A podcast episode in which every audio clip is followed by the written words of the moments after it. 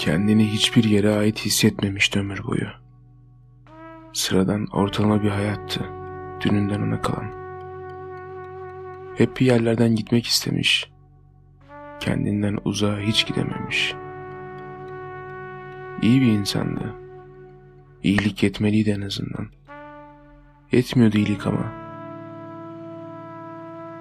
Sevginin çoğunlukla aşk doğurmadığı gibi.